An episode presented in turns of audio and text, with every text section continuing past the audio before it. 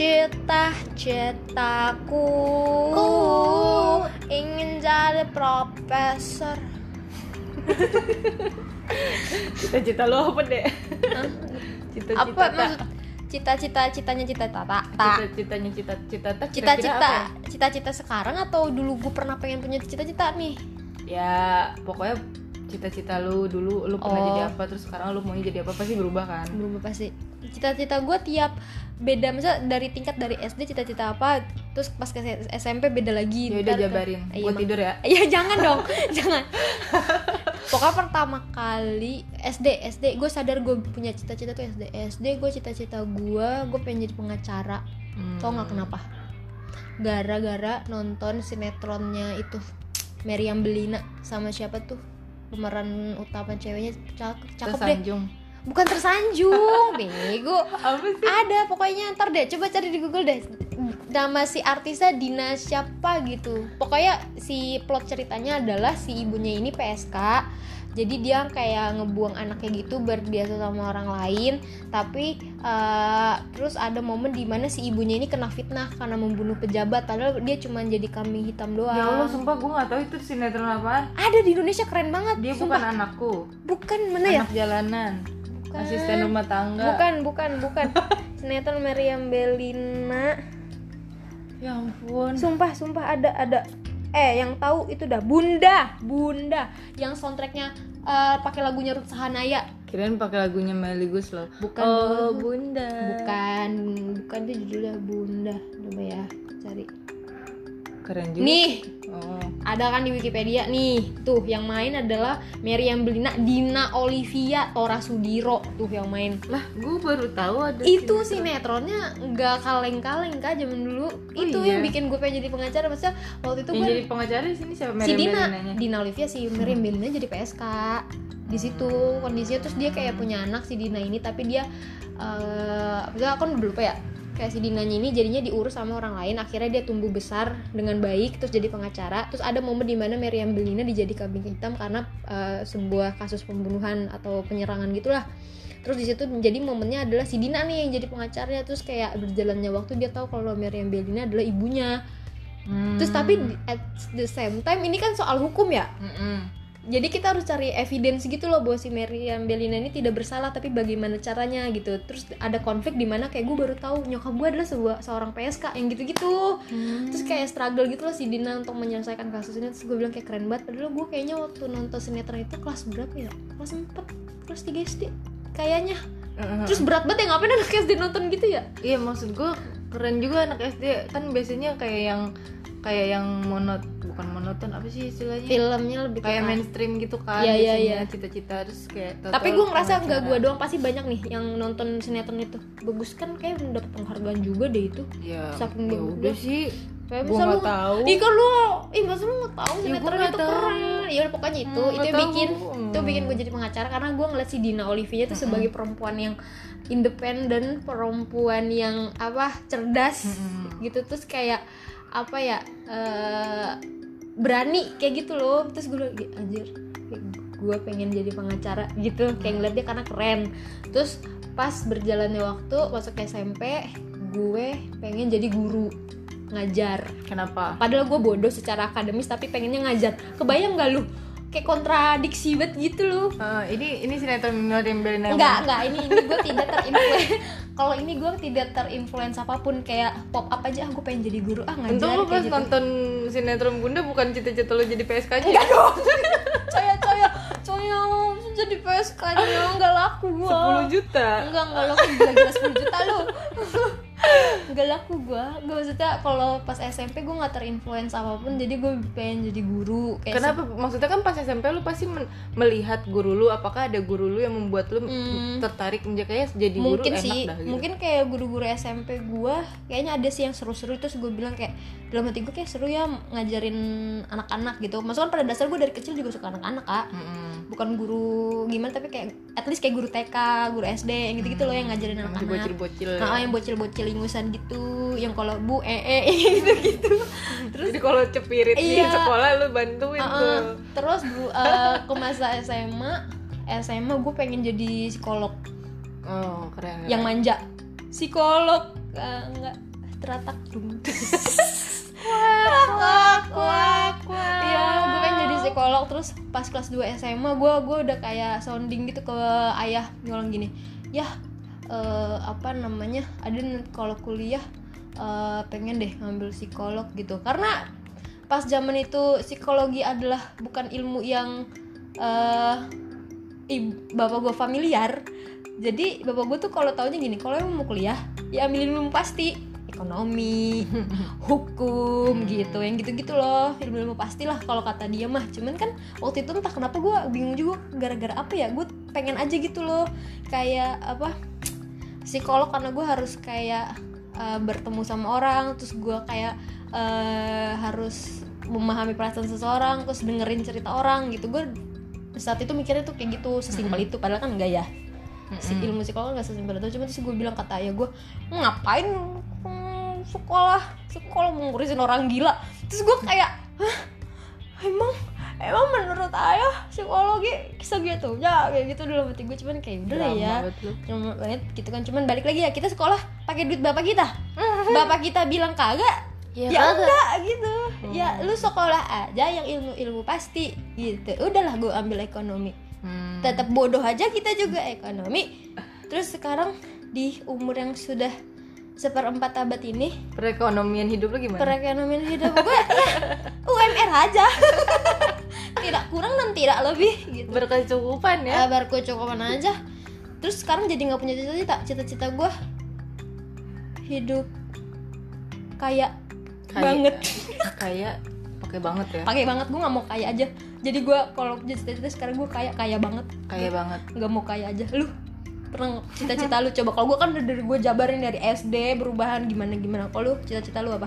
Nggak tahu pokoknya gue pernah ngerasa pengen jadi pengusaha. Terus Hmm. ketika gue tahu pengusaha adalah berarti berbisnis bla bla bla segala macem Hmm. nggak jadi gitu kan. Maksudnya eh, pernah gue menuliskan di suatu buku tahunan gue lupa SMP atau SD atau SMA hmm. pokoknya cita-cita pengusaha gitu kan. Hmm. tapi itu bukan sesuatu yang emang gue pengenin bener-bener gitu kan. Hmm. terus pas SMA gue juga pengen psikolog makanya kan gue Hmm. kuliah daftarnya kan ke HI sama psikolog Mm-mm.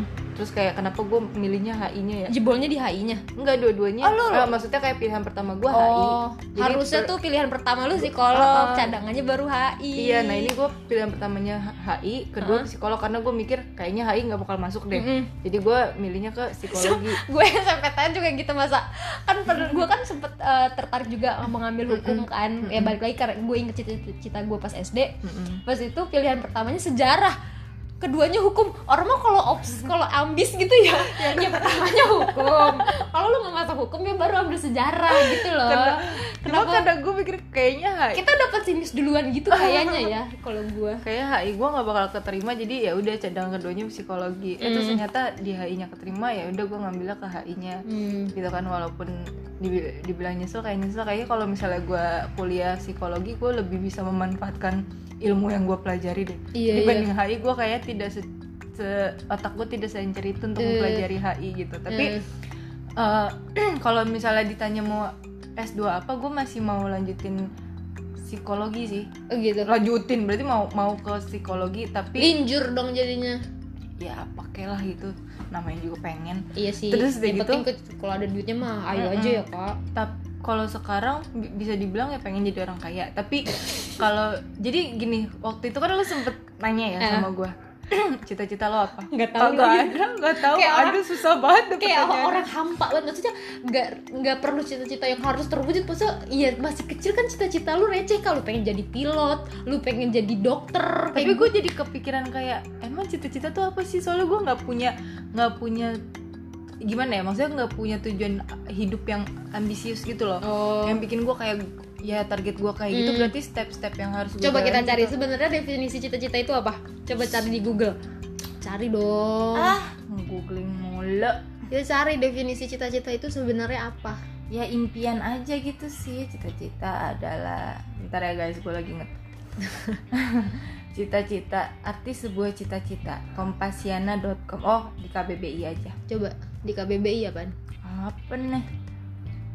Ngerti nggak sih lu cara nge-searching di Google?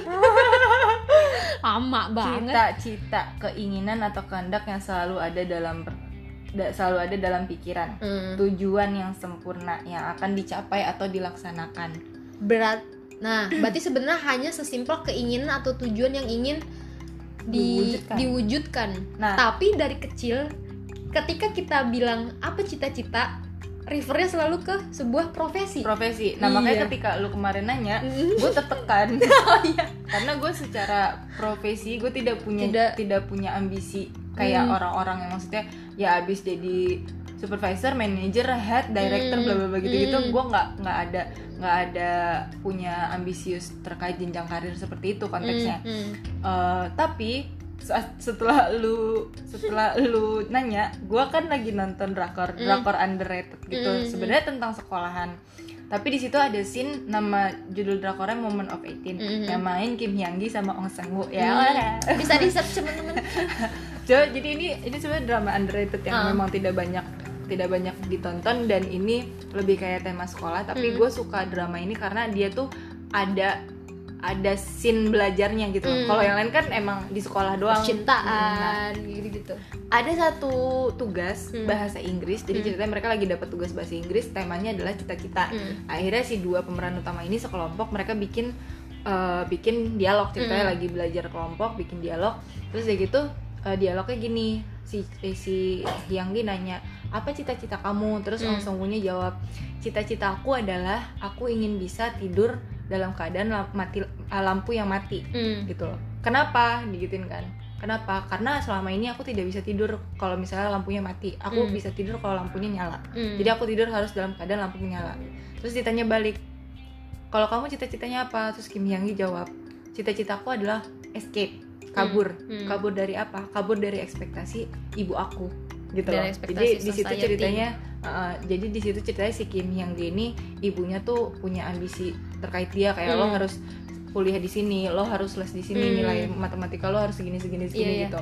Nah, jadi dari scene itu gue gue jadi kayak mencerna pertanyaan lo. Ternyata Hmm. cita-cita itu bukan ter bukan terkait profesi doang loh gitu. Oh iya. Kayak kalau selama ini cita-cita itu kita belajar di sekolah ya tentang profesi Nah itu gitu kan. selalu gitu. Makanya kok pas kita ngomong lu bilang soal apa scene yang di momen acting jadi ada pandangan lain. Sebenarnya cita-cita itu kayak nggak keinginan selalu aja oh, gitu keinginan aja yang pengen lu wujudin gitu Mm-mm. entah itu besar atau kecil intinya sebuah keinginan yang ingin lu wujudkan itu namanya cita-cita gitu Heeh. cuman kan kita dari kecil dibentuknya ketika kita mendengar kata Cita-cita. itu pasti selalu uh, soal profesi Mm-mm. gitu kan Nah jadi tapi kalau misalnya terkait keinginan gue tuh pengen gue kan udah mulai punya ketertarikan sama ngegambar ya Hmm. semenjak lulus kuliah gitu kan. Mm-mm. Eh, maksudnya gue masih kayak jauh dari bagus tapi gue tuh suka punya keinginan untuk punya galeri sendiri gitu loh. passionate gitu ya sebenarnya ya di Kayak art ah, kayak pengen punya satu momen art exhibition Ih, terkait gambar-gambar Ah, gue cuman gue maksudnya kayak gue gue suka pengen suka pengen punya kayak gitu aja hmm. kayak pengen gitu punya Kenapa harus usap-usap mata ya? kayak itu yang gue Ah, pengen iya, kalau iya, iya, ngerti, ngerti. cita-cita kayak gue pengen punya satu momen at least sekali aja dalam Heeh. hidup gue gue tuh menggelar menggelar Sebuah- show exhibition mm, mm, tentang gambar-gambar gue bahkan dari zaman gue sekarang. Kayak kayak kayak lu kumpulin nih gambar-gambar lu yang dari jelek itu, sekarang. Ah, itu kayak progres progres gue gitu loh. Kayak gue Oh. pengen pengen itu sih. Berarti sekarang lu sudah menemukan jawaban lu cita-cita lu untuk saat ini? Iya tetap. Cuman itu bukan terkait profesi ya. Iya ya kayak gue bukan bukan gue akan meng- menggeluti menekuni bidang gambar Hmm. melukis secara profesional sehingga gue punya sehingga gue akan punya show exhibition Hmm. nantinya tapi ya kayak gue jadi sekarang Hmm. tapi gue kayak punya duit terus gue kayak mau menggelar kayak menggelar kayak show lu tuh terenlighten gitu lo pikirannya oh Ah. ternyata ada yang gua mau dan itu bisa juga kok disebut cita-cita gitu kan iya ya. kayak gue pengen punya satu satu studio. Oh. studio terus gue kayak Ghibli? Enggak studio dia Ghibli. Maunya sih Ghibli ya cuman kan aku apa gitu kan. Jadi kayak pengen punya kayak gitu terus nanti ya itu kumpulan gambar-gambar gue yang yang sebenarnya bukan nggak bagus ya Hmm. Ya, masih jauh juga sih tapi ya itu kayak tapi kayaknya- bagi gua gambar lu bagus sih kak. Iya. karena gue bisa gambar karena gue nyontek lu. Tapi gue belum pernah dapat eh gue bukannya bisa gambar maksudnya gue berusaha mau gambar Tapi walaupun gambar gue apa tracing ya nama itunya ya?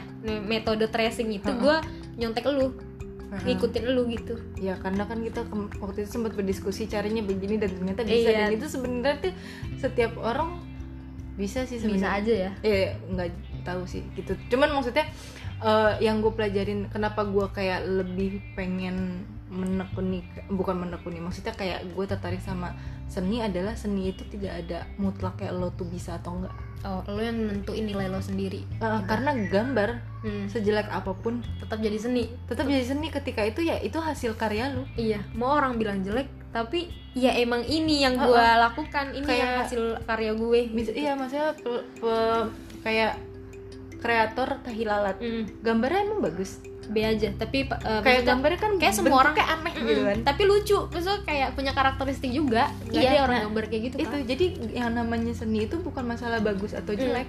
Iya. Ya kayak seni ya udah itself gitu loh. Iya iya iya. Itu kayak tetap apa ya punya nilai aja. Uh-uh, Selama kayak- seni mau buruk mau jelek tetap akan ada nilainya. Oh, kayak, kayak gitu. cuman nyiprat nyipratin cat air abstrak gitu Ke- ke- abstrak. Mm. ke kanvas terus Jadi- kayak udah gitu loh cuman nggak tahu kenapa gue melakukan itu pun nggak bisa sih. Iya gue pun. Apalagi gua gua nggak ada darah seni mengalir di darah gua gitu loh. Nggak ada sedikit pun. Jadi gua kayak tertarik gambar sebenarnya gue pengen nyontek lu aja. Pengen nyoba gue mampu atau enggak terus kalau pas gue udah bisa udah nggak gue lanjutin karena lu tahu kayak oh caranya gitu. Iya, Bisa, iya. udah gitu ya. Heeh, heeh. Nah, biasa kalau gua tuh kayak- Aquarius gitu bet. Gue suka kayak lagi stres di fase stres kayak gue tuh pengen bisa belajar gambar-gambar u cibi-cibian. Mm-hmm. Kayak ya karena kan- gambar tuh mata-matanya gede gitu Oh, kayak oh, gue kan suka gitu. Lucu suka sih.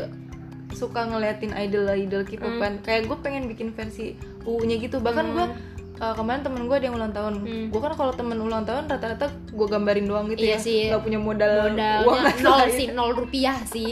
Cuman modal tenaga ya. Nah, tapi gue pengen bikin sesuatu yang baru. Kadang gue menggunakan foto-foto temen gue yang Hmm. menurut gue kayak muse gue jadi kayak fotonya lucu nih pengen gue gambar. T- tapi kayak gue pengen bikin pengen bikin karakter gue sendiri gitu Hmm. loh kalau orang ngelihat gambar itu gambarnya Ami gitu. Nah itu gue belum ada di level itu dan itu susah banget. Kayak kemarin kan gue sempet gambar yang mata gue gede. Iya. Tapi itu tuh nggak belum gitu loh. Jadi oh kayak belum lu belum puas dengan hasil yang belum itu segitunya? terlalu masih enggak belum pokoknya gitu. Nah. jadi kayak bedanya gue sama lu.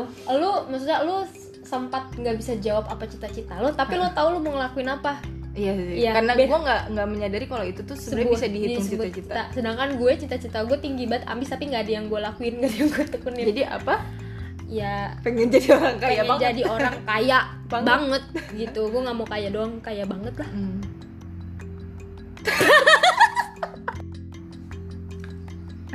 Dodol lu. Jadi eh, kalau lu dengan keinginan lu untuk menjadi kaya banget, pasti lalu ada salah ada satu gambaran lu tuh pengen kaya dalam kondisi apa gitu loh. Oh. Nah, apa ya gue pengen kaya banget standar sebenarnya karena standar kaya gue itu bukan kayak orang-orang kayak Raffi Ahmad gitu enggak Hmm. itu menurut gue tuh udah di levelnya atas Sultan kayak ya? Sultan gue gak ngerti deh itu dia kak level kayaknya gimana maksudnya standar kaya gue tuh gue pengen kayak bunda gue hmm, gimana tuh? kayak bunda gue kan dia punya rumah makan sendiri gitu dia terus dia ngelola sendiri dia masak sendiri gitu kayak ya gue pengen kayak dia aja jadi bos untuk diri lo sendiri kayak gitu loh Jadi eh, sumber kekayaan lu adalah Iya. lu punya sesuatu Mm-mm. yang lu bisniskan. Mm-mm, jadi sumber kekayanya dari diri gue sendiri untuk gue oleh gue Demokrasi. demokrasi iya maksudnya kayak gitu jadi kayak gue nggak gue nggak bingung mau nyekolahin anak gue di mana gue nggak bingung anak gue minta apa gue pasti bisa beliin gue nggak bingung iya maksudnya jadi kayak nggak ada kebingungan secara finansial aja gitu Tapi step-stepnya lu udah paham belum? nggak kayak kan mau buka restoran kayak bunda lu. Itu Oh. kan lu harus belajar bisnis, lu harus Iya, belajar gua- masak. gue harus belajar masak gue harus belajar uh, apa hal-hal yang harus diperhatikan gitu kan. Maksudnya bunda gue kan juga punya karyawan walaupun gak banyak ya cuma satu. Untuk bantu dia. Karena um, resep rahasia ini nggak bisa disebarkan ke mana-mana. Hmm, jadi berarti ada janji suci dulu ya? janji Se- untuk menjadi karyawan karena bunda. tuh bunda gue dia karyawannya eh, dia punya karyawan bukan untuk masak untuk bantuin dia karena semuanya akan dihandle dia sendiri gitu loh lu yakin bisa kayak bunda itu dia gue gue tahu sendiri. tidak setekun bunda gue Hmm. tapi gue pengen sekaya bunda gue tapi lu ada passion sama masak nggak? ada sebenarnya jadi tuh kan dulu pernah ibu gue pernah memuji gue Mm-mm. dulu kan pas SMP mungkin orang-orang bingung lu ada ibu ada bunda deh Iya jadi guys, ibu itu adalah ibu kandung gue yang melahirkan gue. Bunda itu adalah eh, kakaknya eh, ayah gue. Cuman karena udah deket banget dan kayak udah gue kayak anaknya banget. Jadi kita semua ponakan-ponakannya itu kebanyakan manggilnya bunda Oke. gitu. Nah, ibu lu Eh, pernah memuji lu ya waktu SMP kan nyokap gue kan jarang masak. Ibu gue jarang masak karena dia juga kerja. Terus jadi kalau pulang sekolah gue masak apa aja yang ada di kulkas. Terus gue iseng gue masukin kayak nasi, pakai saus, gue pakein bumbu-bumbu dapur terus lu bikin bibimbap? Heeh, kayak ala-ala bibimbap murah gitu lah bibimbap Depok lah. Dicampur sayur-sayur sayuran Indonesia mm, gitu. Terus terus gue gue masak buat gue buat adik gue eh buat kakak gue pokoknya gitu kan. Terus pas ibu gue pulang ibu bilang ih enak gini doang enak gitu terus berarti kok eh, ada ada ada bakat. nih buat masak gitu kan. Hmm. terus kayak eh, pas udah makin ke sini makin gede eh, gue tuh lebih bisa masak duluan ketimbang kakak gue. Gitu loh. Jadi pas eh, SMA Hmm. nih gue suka gue udah mulai nih mulai eh masak cak kangkung gimana? Kayak gitu gitu nah kakak gue mah belum nih dia belum belum mau yang ke dapur kayak gitu belum. Nah gue udah mulai mau ke dapur kayak gitu tapi ya udah gitu loh kayak guanya balik lagi si Ade Diana ini kan males banget ya naujubillahi min jalik gitu. Kadang dia tahu sebenarnya dia mampu tapi nggak mau dilakuin karena males gitu. Tapi kayaknya masak itu ke ski- ke ini deh bakat juga deh. Kalau buat gua orang yang Iya. bisa masak ya. karena teteh gua teteh gua itu nggak rajin. Tapi sekalinya masak itu kayak selalu enak gitu itu loh. nah itu yang mau gue sedangkan gua itu bakat kak. Iya, itu itu bener itu kan, talent tahu soalnya bunda gue nih dulu bunda gue kan pernah lagi emang sering nginep di rumah kan. Terus jadi dia kalau masak tuh udah kayak orang hajatan. Gue bingung dah. Kayak Banyak orang banget. banyak banget gitu. Gua kalau kayak gitu pusing nyuci piringnya oh, oh mana yang disuruh gue lagi kan. Terus udah gitu bunda gue masak sesimpel apa pun kayak lo makan masak nasi goreng. Cuman orang kan kalau kita beli di luar pakai bumbunya ada bawang putih gini. Bunda gue tuh masak nasi goreng cuma pakai bawang merah. Hmm. itu tetep gurih banget. Jadi gue bilang emang ini tuh bakat tapi gue apakah bakat dia menurun ke gue maksudnya bisa jadi deh dengan karena konteksnya nih gua gua kan pernah kayak ada gap year gitu Mm. terus ya dengan dengan harus gue bertanggung jawab Mm. adalah gue membantu untuk masak Mhm. masak di rumah ibaratnya kalau bisa dibilang gue lebih rajin di dapur dibanding teteh gue Mhm. tapi gue di dapur berkali-kali masak kagak pernah kagak pernah enak orang ayah gue pernah gue masakin ayah gue Uh. Gue masakin tuh gue masak kangkung Terus? terus, ayah bilang dek Mhm. dek ini kangkungnya mentang-mentang yang bikin manis jadi manis, nih Manis ya? kangkungnya padahal kan maksudnya kangkung kok manis tapi dia lu nggak lu nggak lu icip itu masakan lu apa gimana sumpah ya dek gue tuh setiap masak gue icip dan gue rasa rasanya udah oke. Terus ken- entah kenapa pas udah ditaruh di piring rasanya beda. Apa garamnya nggak belum belum larut terus gue udah angkat Enggak, ke enggak, piring terus ba- terus garamnya masih ada di wajan atau gimana. Terus pas dimakan kangkungnya manis. Terus untuk ayah ayah gue ngomongnya tuh dengan gombal. Tapi sebenarnya enak kok dek. Enak eh, ada masaknya mentang-mentang yang masak manis kangkungnya jadi manis. Kangkungnya jadi manis. Ayah sarkas ya? Buang ayah kalau nggak suka. Lu bayangin kangkung manis gitu. Maksudnya gue lebih kayak gue lebih sering ke dapur dibanding teteh untuk nyoba kayak lebih rajin masak numis bla Hmm. Iya, iya, segala macem karena gue lagi gap year. Tapi teteh gue sekali kali doang mau masak tapi Tapi selalu enak gitu loh. Kan kayak nggak adil banget nih hidup. Nah, ada juga momen pas gue habis resign waktu itu kan ya tahun 2019 awal lah gitu sebelum akhirnya kita satu kantor. Kan gue ada eh, apa waktu kosong tuh satu setengah bulan. Nah satu setengah bulan itu gue jadi kayak lumayan sering masak gitu loh. Gue masak akhirnya gue bisa masak gulai, diajarin sama nenek gue. Gue bilang lu masak aja udah masak masakan berat ya? Iya maksud gue bilang gue minta eh, kan gue suka banget gulainya bunda gue gitu pakai udang pakai kacang gitu. Terus gue minta tolong sama nenek gue gimana cara bikinnya. Terus gue bilang approve nggak nih? Gitu. Terus nenek gue bilang ih udah mirip sama bunda. Kan gue jadi kayak apakah aku berbakat dalam hal masak memasak ini? Mungkin. Mungkin. Terus gue bilang apa aku cuma kayak belum dielaborate aja. Iya itu dia. Terus gue kayak gak banyak waktu untuk sering ngobrol sama bunda loh soal ini maksudnya. Tapi someday gue tuh sebenarnya pengen banget kayak kalau bunda ya udahlah ya bunda udah expert deh di masak lu minta masak dari yang ringan sampai yang berat tuh bunda gue pasti bisa deh kayak gitu Hmm. cuman gue tipe yang nggak mau kayak bun- maksudnya eh, bisnis yang kayak bunda tapi satu jenis makanan aja kayak gitu jadi apa package food gitu loh jadi lo tidak perlu berinovasi lo Mm-mm. hanya perlu memantapkan resep lo Iya, jadi satu produk tapi gue mantepin kayak gitu nanti ya udah itu aja gitu. Kayak contoh gue cinta banget sama rendang bunda gue. Enak banget ya rendang bunda gue tuh mantap kayak tuh nggak ada yang ngalahin deh kayak gitu. besok besok aku ke sini bawa lauk dari bunda Iya, lah iya benar benar. daripada kita gofood gofood Iya benar kali ya kan kalau gue mampir kali ya. Hmm. Ya itu kayak gue pengen nih, udah gue pengen pasarin si berendang bunda gue ini gitu Hmm. loh, se- jadi bentuk sebuah package food dan itu bisa Hmm. didistribusiin ke mana pun. Hmm. yang kayak gitu-gitu cuman kayak aku belum ada ilmunya terus resep rahasianya nih eh, belum dapet dari bunda gitu gue belum banyak ngobrol soal itu sama bunda jadi sebenarnya eh, cita-cita kita itu terkait dari eh, kita tuh sebenarnya terlihat ada bakat-bakat tertentu yang karena kemalasan kita Iya. tidak terlihat jelas gitu ya Mm-mm, bakatnya. Jadi bias. Padahal sebenarnya kalau mau mah kayak bisa deh gitu. Kayak kita gitu. Jadi ya itu yang paling bisa kita lakukan. Heeh. selain itu kita tidak punya tidak merasa ada bakat nggak ada gue